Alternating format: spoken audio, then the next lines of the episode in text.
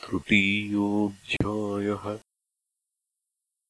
सनत्कुमार उवाच। अहो चित्रमिदम् प्रोक्तम् मुनिमानद नारद। रामायणस्य माहात्म्यम् पुनस्त्वम् वद विस्तरात्। अस्य मानस्य माहात्म्यम् कथयस्वप्रसादतः कथम् नो जायते तुष्टिः? मुने त्वद्वचनामृतात्। नारद उवाच सर्वे यूयम् महाभागाः कृतार्था नात्र संशयः। यतः प्रभावन् रामस्य भक्तितः श्रोतुमुद्यताः माहात्म्यश्रवणम् यस्य राघवस्य कृतात्मनाम्। दुर्लभम् प्राहुरित्येतत् मुनयो ब्रह्मवादिनः। शृणुध्वम् ऋषयः चित्रम् इतिहासम् पुरातनम् सर्वपापप्रशमनम् सर्वरोगविनाशनम्। आसीत्पुराद्वापरे च सुमतिर्नाम भूपतिः। सोमवंशोद्भवम् श्रीमान् सप्तद्वीपैकनायकः धर्मात्मा सत्यसम्पन्नः सर्वसम्पद्विभूषितः। सदा रामकथासेवी रामपूजापरायणः। रामपूजापराणाम् च शुश्रूषुः निरहङ्कृतिः। पूज्येषु पूजानिरतः समदर्शी गुणान्वितः सर्वभूतहितः शान्तः कृतज्ञः कीर्तिमान् नृपः। तस्य भार्या महाभागा सर्वलक्षणसंयुता पतिव्रता पतिप्राणा नाम्ना सत्यवती शुभा उभौ दम्पती नित्यम् रामायणपरायणौ। अन्नदानरतौ नित्यम् जलदानपरायणौ। तटाकारामवाप्यादीन् असङ्ख्याकान्वितेनतुः सोऽपि राजा महाभागो रामायणपरायणः वाचयेत् शृणुयाद्वापि भक्तिभावेन भावितः। एवम् रामपरम् नित्यम् राजानम् धर्मकोविदम् तस्य प्रियाम् सत्यवतीम् देवापि सदा स्तुवन् त्रिलोके विश्रुतौ तौ च दम्पत्यत्यन्तधार्मिकौ। आययौ बहुभिः शिष्यैः द्रष्टुकामो विभाण्डकः विभाण्डकमुनिम् दृष्ट्वा समाम्नातो जनेश्वरः। प्रत्युद्ययौ सपत्नीकः पूजाभिः बहुविस्तरम्। कृतातिथ्यक्रियम् शान्तम् कृतासनपरिग्रहम् नीचासनगतो भूपः प्राञ्जलिर्मुनिमब्रवीत् राजोवाच भगवन् कृतकृत्योऽस्मि तवात्रागमनेन भोः सतामागमनम् सन्तः प्रशंसन्ति सुखावहम् यत्र स्यान्महताम् प्रेम सर्वसम्पदः। तेजः कीर्तिः धनम् पुत्रा इति प्राहुर्विपश्चितः। तत्र वृद्धिम् गमिष्यन्ति श्रेयांस्यनुदिनम् मुने। यत्र सन्तः प्रकुर्वन्ति महतीम् करुणाम् प्रभो यो मूर्ध्नि धारयेत् ब्रह्मन् विप्रपादतलोदकम् स स्नातः सर्वतीर्थेषु पुण्यवान्नात्र संशयः। मम पुत्राश्च दाराश्च सम्पत्त्वयि समर्पिताः समाज्ञापयशान्तात्मन् ब्रह्मन् किङ्करवाणि ते? विनयावनतम् भूपम् तम् निरीक्ष्य मुनीश्वरः स्पृशन् करेण राजानम् प्रत्युवाचातिहर्षितः।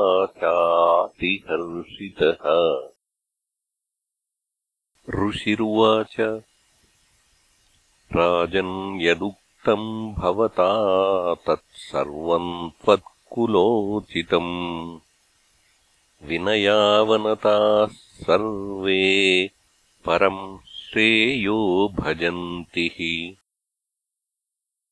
प्रीतोऽस्मि तव भूपाल सन्मार्गे परिवर्तिनः। स्वस्तितेस्तु महाभाग यः प्रक्ष्यामि तदुच्यताम् पुराणा बहवः सन्ति हरिसन्तुष्टिकारकाः। माघे मास्यप्युद्यतोऽसि रामायणपरायणः। तव भार्यापि साध्वीयम् नित्यम् रामपरायणा किमर्थमेतद्वृत्तान्तम् यथावत् वक्तुमर्हसि? राजोवाच। श्रूयताम् भगवन् सर्वम् यत्पृच्छसि वदामि तत्। आश्चर्यभूतम् लोकानाम् आवयोश्चरितम् मुने अहमासम् पुरा शूद्रो मालिनिर्नामसत्तमा कुमार्गनिरतो नित्यम् सर्वलोकाहिते रतः। पिशुनो धर्मविद्वेषी देवद्रव्यापहारकः। महापातकि संसर्गी देवद्रव्योपजीवितः। गोघ्नश्च ब्रह्मः चौरो नित्यम् प्राणिवधे रतः।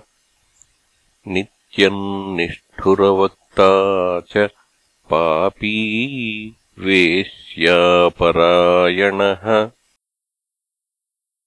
किञ्चित्कालम् स्थितो ह्येवम् अनादृत्यमहद्वचः सर्वबन्धुपरित्यक्तो दुःखी वनमुपागमम्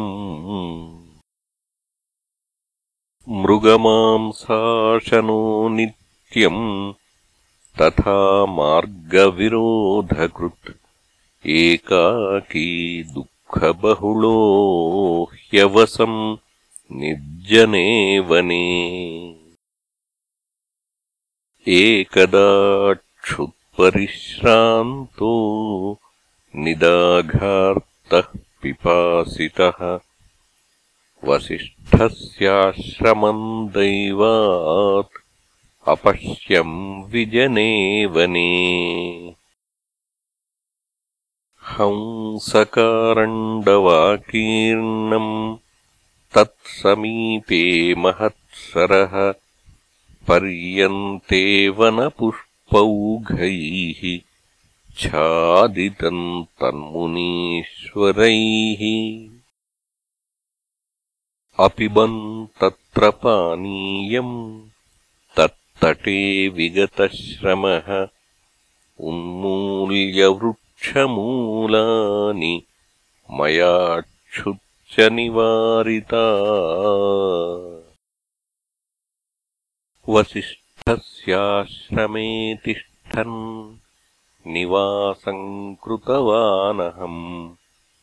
शीर्णस्फटिकसन्धानम् तत्र चाहमकारिशम् पर्णैस्तृणैश्च काष्ठैश्च गृहम् सम्यक् प्रकल्पितम्। तत्राहम् व्याधसत्त्वस्थो हत्वा बहुविधान् मृगान्। आजीवम् वर्तनम् कृत्वा वत्सराणाम् च विंशतिम् अथेयम् आगता साध्वी। विन्ध्यदेशसमुद्भवा। निषादकुलसम्भूता। नाम्ना काळी तु विश्रुता बन्धुवर्गैः परित्यक्ता दुःखिता जीर्णविग्रहा ब्रह्मन् क्षुत्रुक्परिश्रान्ता शोचन्ती सुक्रियाम् क्रियाम् दैवयोगात्समायाता। भ्रमन्ती विजने वने मासि ग्रीष्मे च तापात्ता ह्यन्तस्तापप्रपीडिता इमाम् दुःखवतीम् दृष्ट्वा जाता मे विपुला घृणा मया दत्तम् जलम् चास्यै मांसम् वन्यफलम् तथा गतश्रमातु तुष्टा सा मया ब्रह्मन् यथा तथम् न्यवेदयत् स्वकर्माणि शृणुतामुने इयम् काळीतु नाम्नैव निषादकुलसम्भवा दाविकस्य सुता विद्वन् न्यवसत्विन्ध्यपर्वते। परस्वहारिणी नित्यम् सदा पैशुन्यवादिनी बन्धुवर्गैः परित्यक्ता यतो हतवती पतिम्।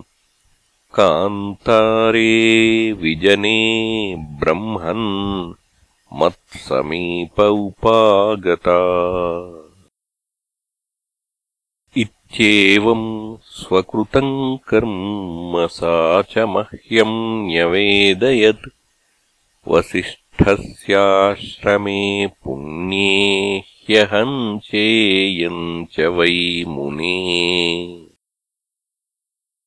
दम्पतीभावमाश्रित्य स्थितौ मांसाशनौ तदा।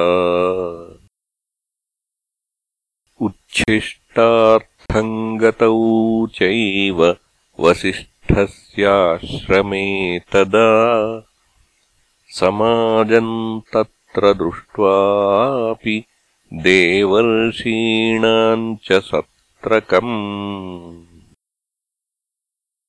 रामायणपरा विप्रा माघे दृष्टा दिने दिने।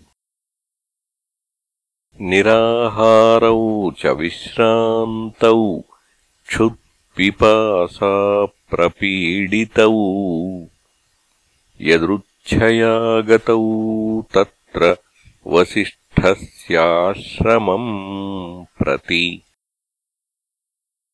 रामायणकथाम् श्रोतुम् नवाह्ना चैव भक्तितः तत्काल एव पञ्चत्वम् आवयोरभवन्मुने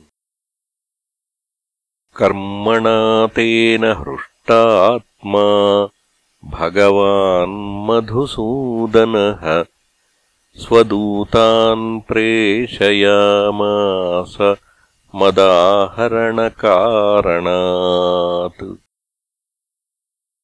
आरोप्यावाम् विमाने ते ययुश्च परमम् पदम् आवाम् समीपमापन्नौ देवदेवस्य चक्रिणः।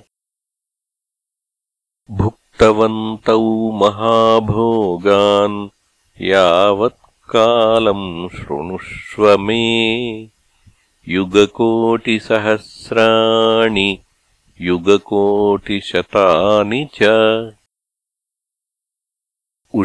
रामभवने ब्रह्मलोकमुपागतौ। तावत्कालम् च तत्रापि स्थित्वेशपदमागतौ तत्रापि तावत्कालम् च भुक्त्वा भोगाननुत्तमान्। ततः पृथ्वीशताम् प्राप्तौ क्रमेण मुनिसत्तमा। अत्रापि सम्पदतुला रामायणप्रसादतः अनिच्छया कृतेनापि प्राप्तमेवम् विधम् मुने। नवाह्ना किल श्रोतव्यम् रामायणकथामृतम् भक्तिभावेन धर्मात्मन् जन्ममृत्युजरापहम्